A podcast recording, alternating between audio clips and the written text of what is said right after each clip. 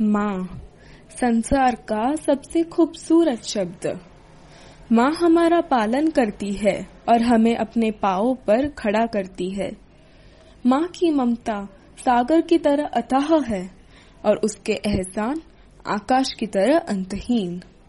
वो हमें अच्छे संस्कार देकर एक यशस्वी इंसान बनाती है। ऐसा कहा जाता है कि माँ हिमालय की तरह ऊँची है पर हिमालय की तरह कठोर नहीं। सागर की तरह गहरी है, पर सागर की तरह खारी नहीं। हमारे शास्त्रों ने कहा गया है कि माँ देवताओं के समान पूजनीय है।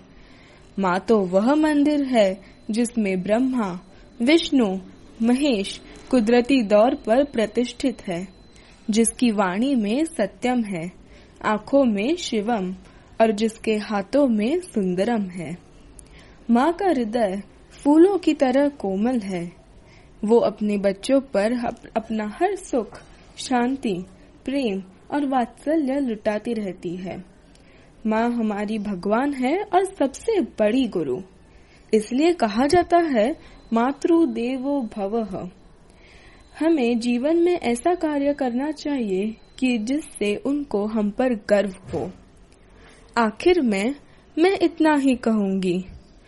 तुमसे ही हुई हमारी ज़िंदगी शुरू। माँ तुम ही हो हमारी पहली गुरु। धन्यवाद।